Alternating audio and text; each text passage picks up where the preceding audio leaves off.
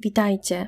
W dzisiejszym odcinku chciałabym opowiedzieć Wam niezwykle ciekawe i niepokojące historie widzów o zjawiskach paranormalnych. Zaczynajmy. Historia od Doriana. Chciałbym podzielić się pewnymi zdarzeniami, które miały miejsce naprawdę, a przynajmniej takie zapamiętaliśmy. W sumie cztery historie. Trzy z nich można uznać za niepokojące, a czwarta jest dość radosna. Pierwsze zdarzenie było związane z przeprowadzką i nowym mieszkaniem. Miałem wtedy jakieś 5 lub 6 lat. Wraz z mamą i siostrą wprowadziliśmy się do nowego mieszkania, które znajdowało się w starym bloku na ostatnim piętrze, czwartym. Nowe lokum mi się nie podobało. Dla dziecka było to wysoko. W dodatku naprzeciwko naszych drzwi wejściowych znajdowało się coś w rodzaju strychu. Było tam strasznie ciemno i ponuro. Nie widziałem, aby ktoś tam kiedyś wchodził. Samo mieszkanie było duże jak dla nas. Miało dwa pokoje z kuchnią i balkonem. Bałem się zostawać w nim sam. Gdy do tego dochodziło, to zwykle nie ruszałem się z pokoju.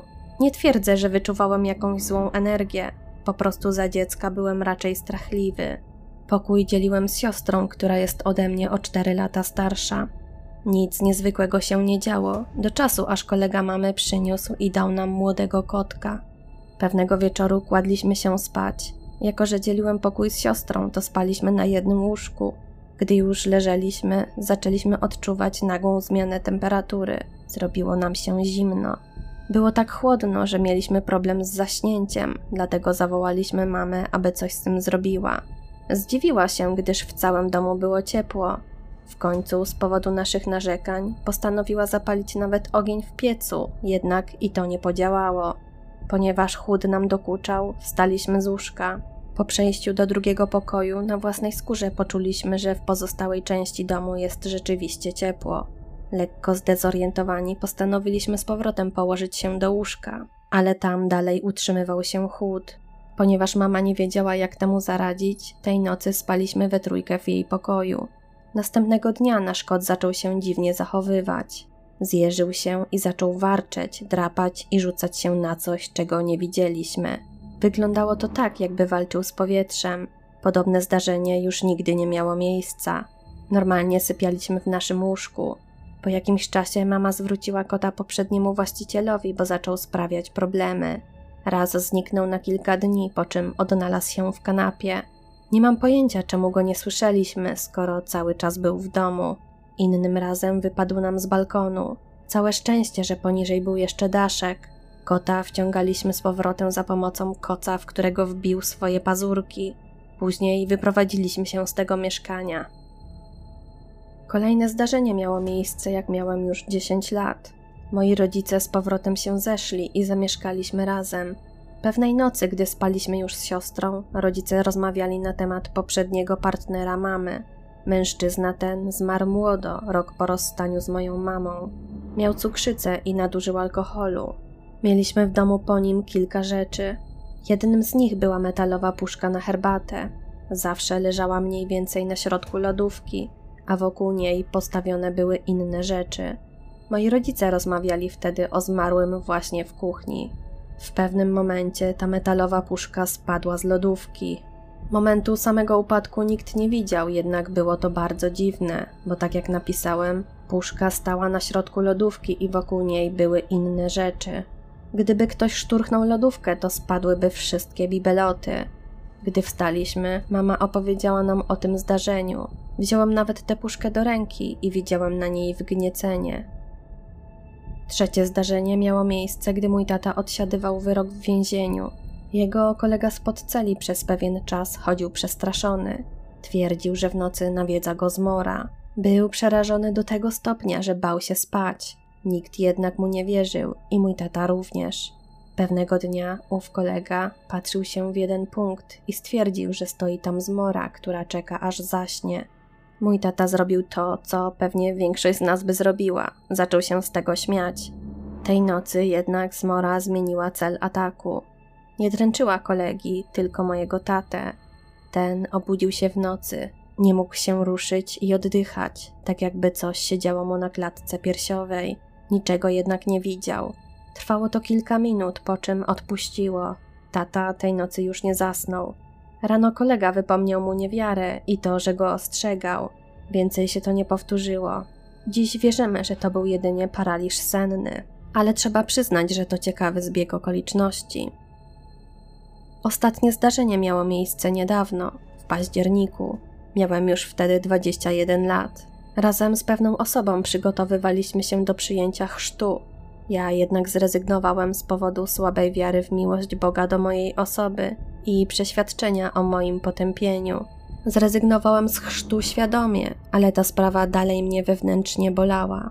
Znajomy dotrwał do końca i zbliżał się dzień przyjęcia chrztu. W tym dniu prawdopodobnie ja także przyjąłbym chrzest, gdybym nie zrezygnował. Z tego powodu nie chciałem uczestniczyć w tym wydarzeniu, bo wiedziałem, że będę mieć zły humor. Potem jednak stwierdziłem, iż byłoby to zbyt egoistyczne, gdybym się nie pojawił w tak ważnym dla kolegi dniu. Tak jak przypuszczałem, miałem koszmarny humor. Udało mi się jednak dotrzeć na mszę i zająłem miejsce w ławce. Zaczęła się liturgia, a mi dalej było koszmarnie smutno, chociaż próbowałem się uśmiechać i nie myśleć w tym momencie o sobie, ale słabo mi to wychodziło.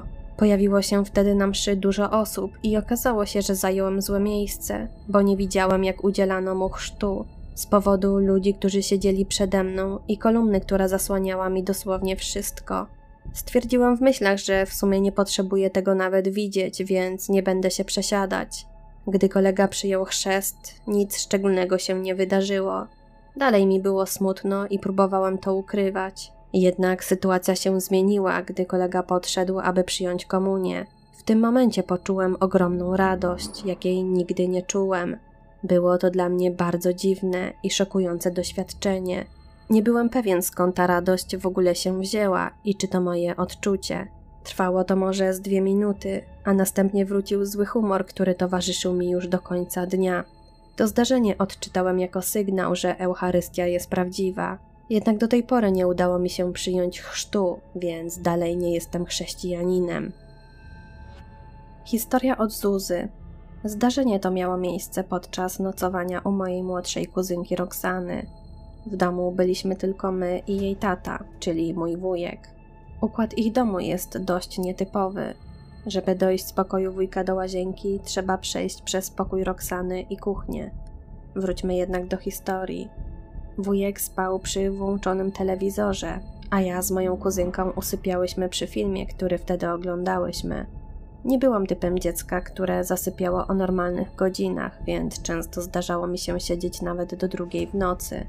Roxana w końcu zasnęła, a ja w dalszym ciągu oglądałam film i nie czułam zmęczenia pomimo tego, że dochodziła już trzecia w nocy. Zawsze obawiałam się tej godziny, więc wyłączyłam telefon, na którym oglądałyśmy film i z całych sił starałam się zasnąć. Gdy straciłam nadzieję, że się uda, odpaliłam serial w telefonie.